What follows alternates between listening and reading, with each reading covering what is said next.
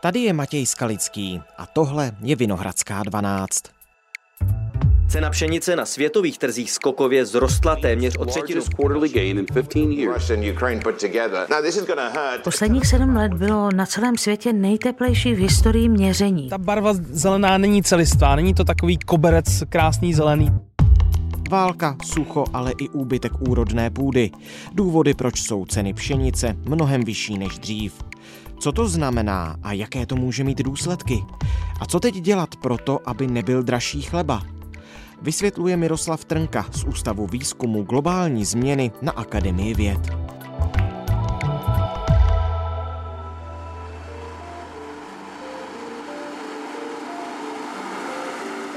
Dnes je pondělí 11. dubna.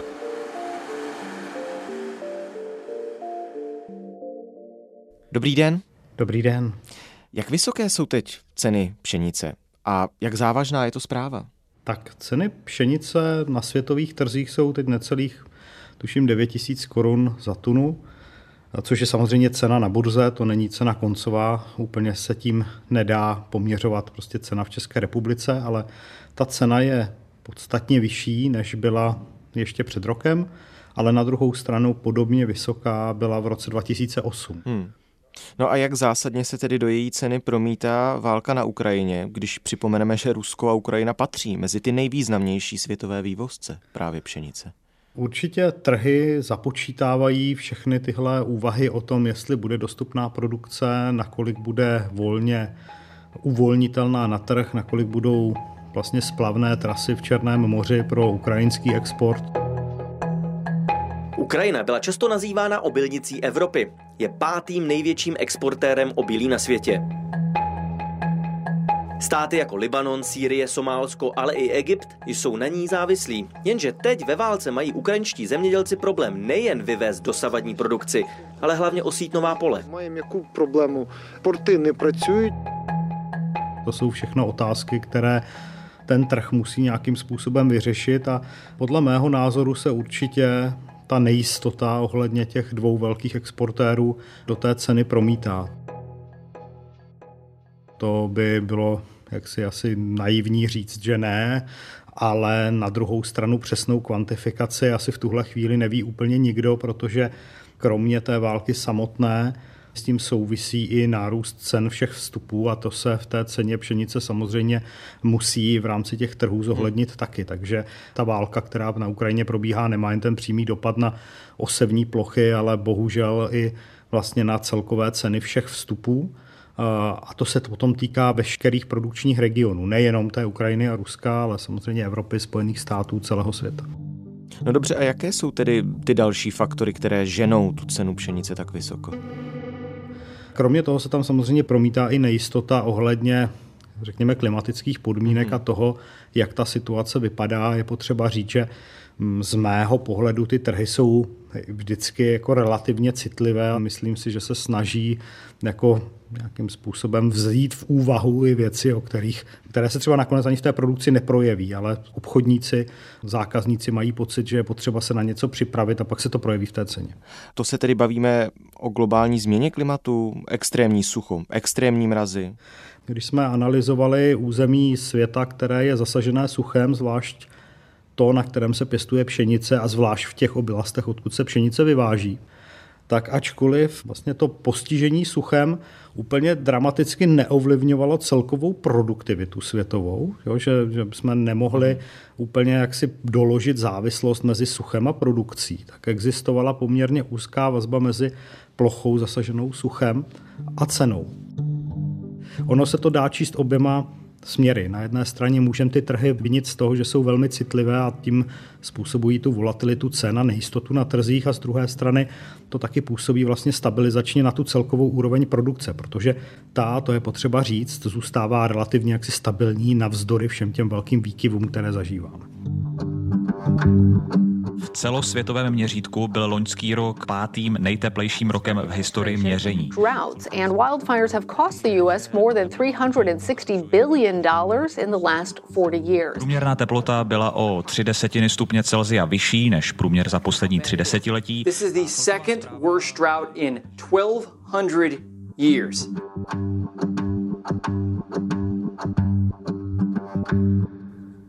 Zastavme se u toho sucha. Vy se šíření sucha věnujete dlouhodobě a mluvil jste o tom, že jste ve své studii počítali s plochami, které jsou zasaženy suchem a kde se odrazil ten vztah potom k tvorbě té ceny.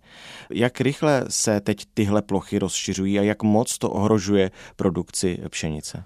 Tak to je věc, která v té naší studii nás překvapila poměrně hodně. Ono se ukazuje, že po celé 20. století ta plocha, kterou sucho vlastně zaujímalo v té celkové ploše pěstované pšenice bylo relativně malé, nějakých 5-10%, co je ale důležité, po roce 2000 ten podíl jako výrazně stoupá, tak o polovinu. Nedostatek vláhy a nadprůměrné teploty přes den komplikují práce zemědělcům. Nám napršelo zhruba 16 mm srážek za celý měsíc leden, únor a březen. Oproti jak... normálu je to jak velký ples? Oproti normálu je to někde na 30%. Dneska plochy pšenice, kterou máme k dispozici, tak sucho ohrožuje až kolem 15% Teď stojíme u pole pšenice, které už by mělo mít daleko zdravější zelenou barvu a hlavně ten výhled. I podle řekněme, těch nejoptimističtějších odhadů vývoje klimatu s ohledem na, řekněme, připravenost lidí akceptovat snížení emisí, tak pořád by vedlo k poměrně zásadnímu nárůstu plochy, kde pěstujeme pšenici, která by tím suchem byla ohrožena a suchem, které v minulosti způsobovalo právě ty výkyvy v cenách. Což je jaksi jako důležitá věc, kterou si musíme uvědomit, že sucho jako jeden z potenciálních cenotvorných faktorů bude na úrovni, na které nikdy nebyl. Hmm. Ve chvíli, kdy to sucho bude na třetině území všech producentů, nebo těch exportérů, tak je velmi nepravděpodobné, že to zvýšení produkce v tom zbytku bude tak velké, aby tenhle výkyv kompenzovalo. A to je, myslím si, z našeho pohledu ta horší zpráva z té studie.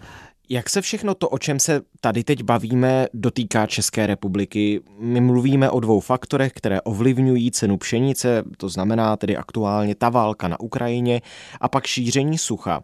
Když bych měl přiblížit tu situaci v České republice, na kterou se tedy teď i ptám vás, tak Svaz pekařů a cukrářů varuje před vysokými cenami pšenice, doporučuje omezit její vývoz. Česká vláda naopak omezení toho vývozu odmítá. Tak jak tu situaci v Česku čtete z vašeho pohledu? Tak já nejsem ekonom a nezabývám se komoditními trhy, nicméně z těch našich analýz a tak v retrospektivě se ukazuje, že opravdu eh, zvýšená cena eh, té komodity v podstatě by měla trhy stimulovat k tomu, a zejména producenty, aby více produkovali a tím jakoby tu poptávku se snažili uspokojit.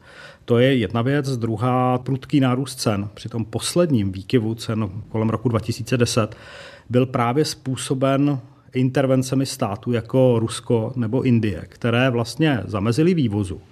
Tím se zmenšilo množství té obchodovatelné komodity na světových trzích a to tu cenu vyhnalo ještě výš ty restrikce jsou vždycky problematické. A potom v rámci České republiky my často mluvíme o těch velkých producentech, abychom třeba zdůraznili význam Ruska nebo Ukrajiny, který je velký jo, na tom trhu s pšenicí, ale nejenom na něm. Tak zapomínáme na to, že prostě největším producentem pšenice, v podstatě když to vezmeme v součtu, tak je nakonec Evropa. Nebo jedním z největších a rozhodně patří mezi ty dominantní exportéry, výrazně větší než je Ukrajina nebo Rusko tady, jako Česká republika, k tomu poměrně zásadně přispívá. Válka na Ukrajině má vliv také na ceny obilí v Česku. Hrozí totiž omezení vývozu této plodiny z Ukrajiny do zahraničí. Proto mají zahraniční obchodníci zájem o české obilí. Nabízejí vysoké ceny ředitelka Jihu České agrární komory Hana Šťastná. Může se stát, že přestože z hlediska celkového objemu produkce vyrobíme tady víc, než spotřebujeme, takže se veškeré obilí vyveze. Tím samozřejmě vznikne problém v mlínech, pekařství a pocítí to spotřebitel v ceně chleba, rohlíků a dalších základních komodit.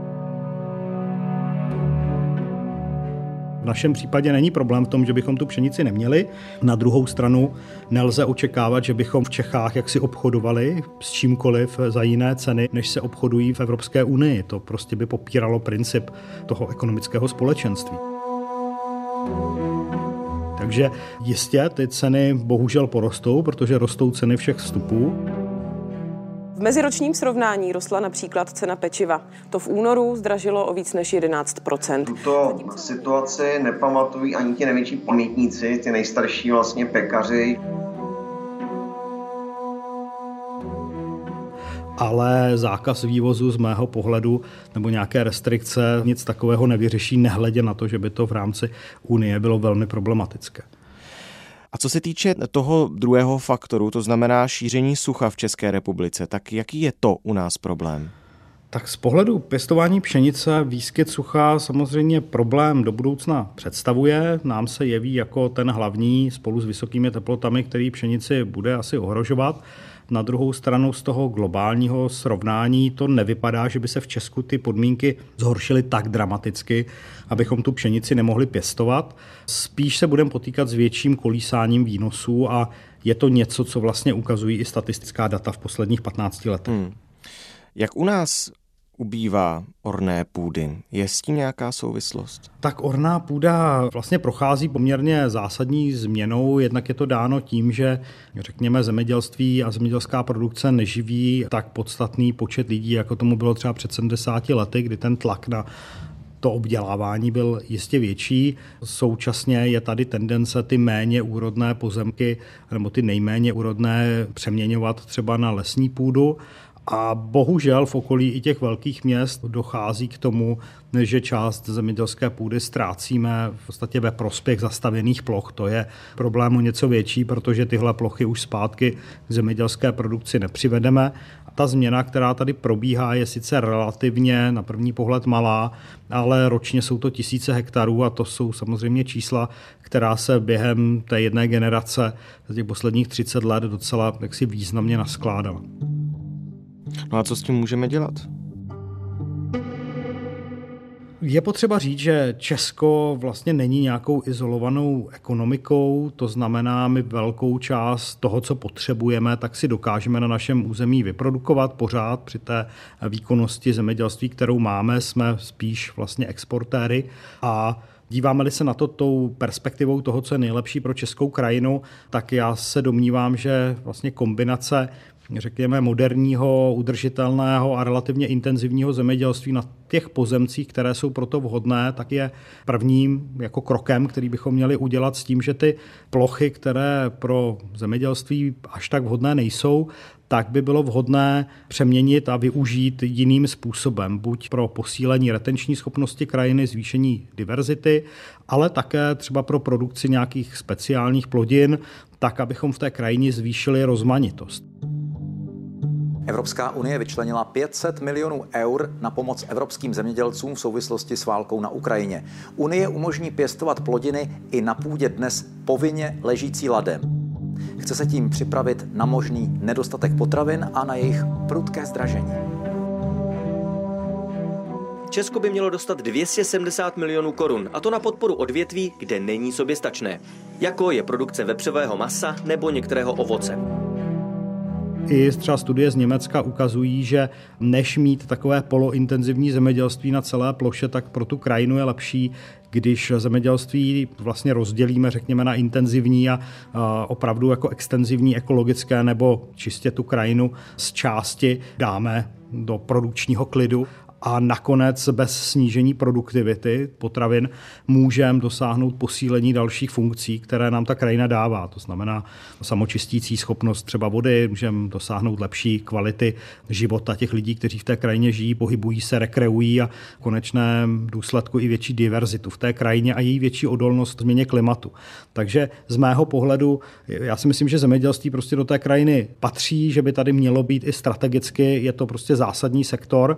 Na druhou druhou stranu je otázka, jestli musíme intenzivně nebo polointenzivně hospodařit na tak velké ploše a nebylo by lepší investovat opravdu do technologií, které udržitelně dokáží z té plochy získat víc než v současnosti a to by nám vlastně uvolnilo ruce k tomu, abychom část toho území zase mohli opravdu použít jiným způsobem pro jiný typ hospodaření a tak celkově zvýšit diverzitu té krajiny. Když se vrátíme zpátky k té pšenici, není také na snadě třeba vyšlechtit odolnější druhy obilovin tak, aby mohly být pěstovány na místech, kde jsou suší oblasti? To je skvělá otázka, hlavně protože my si musíme uvědomit, že pšenice je vlastně tráva, to kříženec, který pochází pravděpodobně z oblasti někde Blízkého východu a je mimořádně odolná vůči suchu. Z pohledu všech hlavních obilovin, které máme k dispozici, zejména když je srovnáme s rýží nebo s kukuřicí, tak pšenice je opravdu premiantem v tom, jak dokáže s málem vody vyprodukovat vlastně zrno. A Tady je zapotřebí říct, to je další vlastně aspekt, který, na který my jsme upozorňovali v té naší studii, že eh, když si člověk uvědomí, jaké máme možnosti adaptace, tak ono jich moc není, protože ve chvíli, kdy ty oblasti, kde pěstujeme světové pšenici, se stanou suché, tak téměř tam není náhradní kandidát, kterého bychom tam mohli pěstovat, protože ta pšenice je právě tak odolná.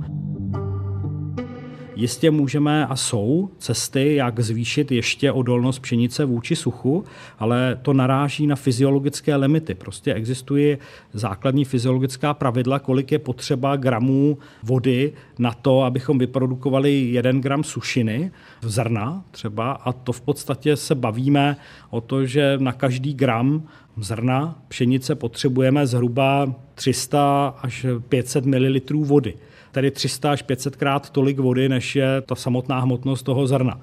A s tímhle se úplně mnoho dělat nedá, dají se dělat nějaká technologická opatření, řádově o 10-20% se ta efektivita zvýšit dá, ale pokud dojde skutečně k masivnímu zvýšení anebo prohloubení, prodloužení těch suchých epizod, tak ani ta pšenice si s tím neporadí a to šlechtění vždycky dokáže pracovat jenom s určitými podmínkami, s určitými limity. A když si s tím pšenice neporadí, tak jaký je výhled do budoucna? V místech, která budou skutečně suchá, budou dlouho suchá, dražší chleba, základní komodita, základní jídlo? To je vždycky specifická otázka. Ono je důležité se dívat i na podíl potravin v tom spotřebním koši. V Česku je pro nás zdražení pečiva jaksi nepříjemné, ale na celkové útratě rodiny se nepodílí jaksi zásadním číslem. Nákup potravin. Bavíme se o pětině, třetině těch výdajů. Záleží na příjmové skupině, ale v řadě zemí toho takzvaného třetího světa činí podíl toho spotřebního koše, toho jídla na celkové útratě třeba i 90%. A teď si představte, že ty náklady se zvýší o pětinu, o desetinu a nebo na dvojnásobek. Food prices rose by 8.9% in January, making it hard for thousands of Kenyans to put food on their tables. Cuando el incremento de precios de los combustibles y de alimentos desataron intensas protestas en Lima, en Ica Cena potravin, ale také hnojiv celosvětově poroste, což může způsobit další problémy i světové konflikty. To všechno jak si znamená, že se musíte vzdát věcí, které pro ty lidi jsou také podstatné. Bohužel v těch letech 2010, 2015 vlastně ten nárůst cen mimo jiné vlastně přispěl k tomu takzvanému arabskému jaru. We ask water and bread, but now těm nepokojům, které byly vedeny právě prudkým zvýšením cen potravin. A ti obyvatelé se s tím těžko mohli nějak stotožnit, no tak se nelze divit, že proti výraznému zhoršení životní úrovně začali protestovat. Protests in Bahrain, Morocco, Georgia. Takže spíš bych měl obavy tady z těch širších důsledků, které mohou nastat a to je to, na co jsme v té naší studii upozorňovali, že paradoxně, anebo bohužel, ten největší nárůst těch nejohroženějších míst, kde se bude vyskytovat v budoucnu sucho, s velkou pravděpodobností je právě v místech, které už dneska mají problémy s potravinovou soběstačností hmm. a zejména tam vidíme dost velký jaksi nárůst populace, který bude ten tlak na tu produkci potravin nebo spotřebu potravin v těch zemích ještě zvyšovat.